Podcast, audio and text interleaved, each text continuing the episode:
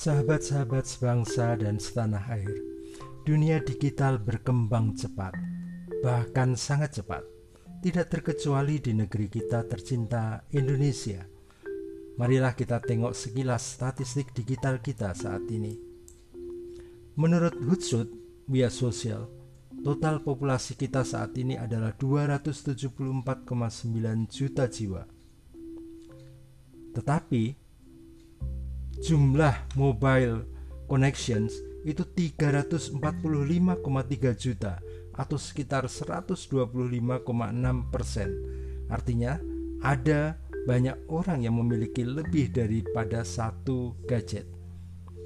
Nah, kalau kita lihat jumlah pengguna internet pun sangat besar, 202,6 juta atau sekitar 73,7 persen penduduk Indonesia itu adalah pengguna internet aktif dan 170 juta atau sekitar 61,8 persen dari populasi adalah pengguna aktif dari sosial media.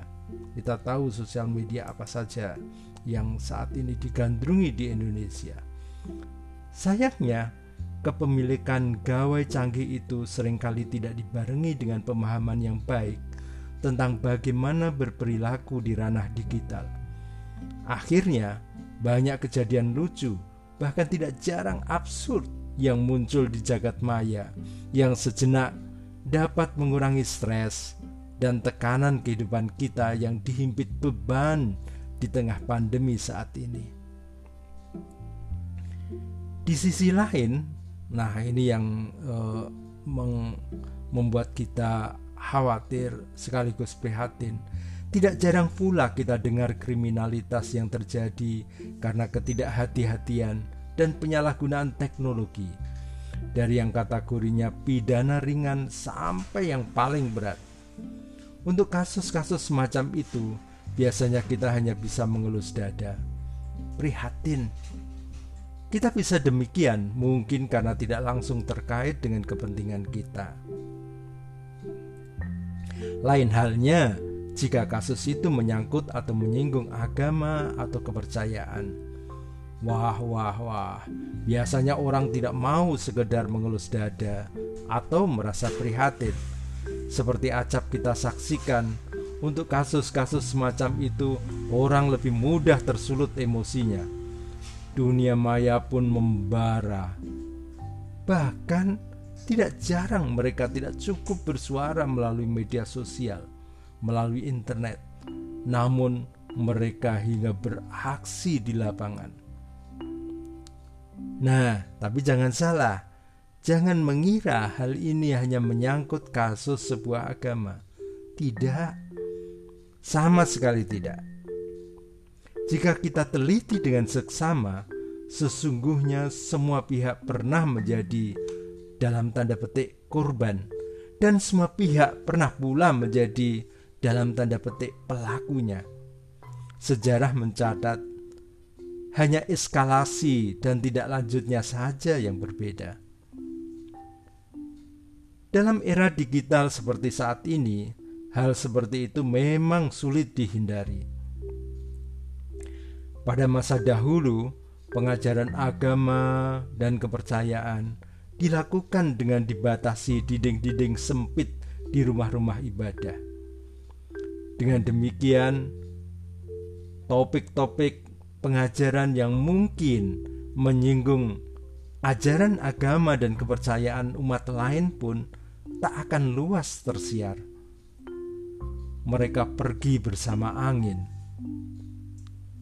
Namun, saat ini dengan kemajuan teknologi yang sangat pesat, topik-topik sensitif seperti itu sangat mudah tersebar luas melalui eh, platform berbagi video, platform berbagi pesan, dan lain-lain.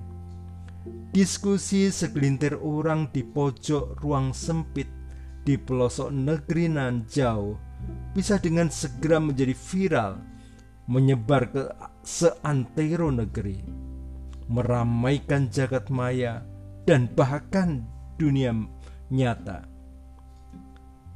Akibatnya, Gesekan-gesekan di masyarakat pun sulit dihindari.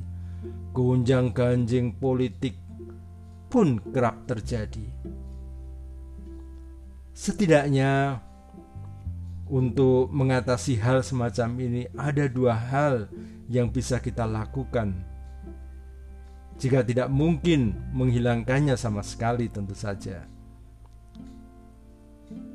Bagaimana membuat jagat digital ini menjadi lebih adem, tidak gonjang-ganjing terus karena masalah-masalah agama dan kepercayaan. Yang pertama, penegakan hukum harus tegas. Jangan ada kesan pilih kasih dalam menerapkan hukum atas tindak pidana yang terjadi. Hal ini penting dilakukan agar orang merasa diperlakukan adil dan diayomi secara baik oleh negara. Nah, yang kedua, edukasi pun perlu terus dilakukan, perlu terus digalakkan kepada masyarakat, karena masyarakat ini tidak sama semuanya, tidak sama pengetahuannya, tidak sama pengalamannya, sehingga literasi media mereka akan bisa meningkat.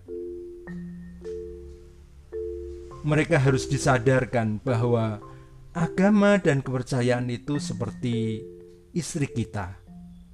Kelebihan dan kekurangan istri kita seharusnya lah hanya menjadi rahasia kita. Tidak perlu diumbar kepada orang lain. Tidak perlu diceritakan kepada tetangga-tetangga kita Sebaliknya, juga tidak elok dan tidak selayaknya jika kita memuji, apalagi mencela kekurangan istri tetangga kita. Wah, wah, wah, bisa-bisa terjadi perang Baratayuda nantinya.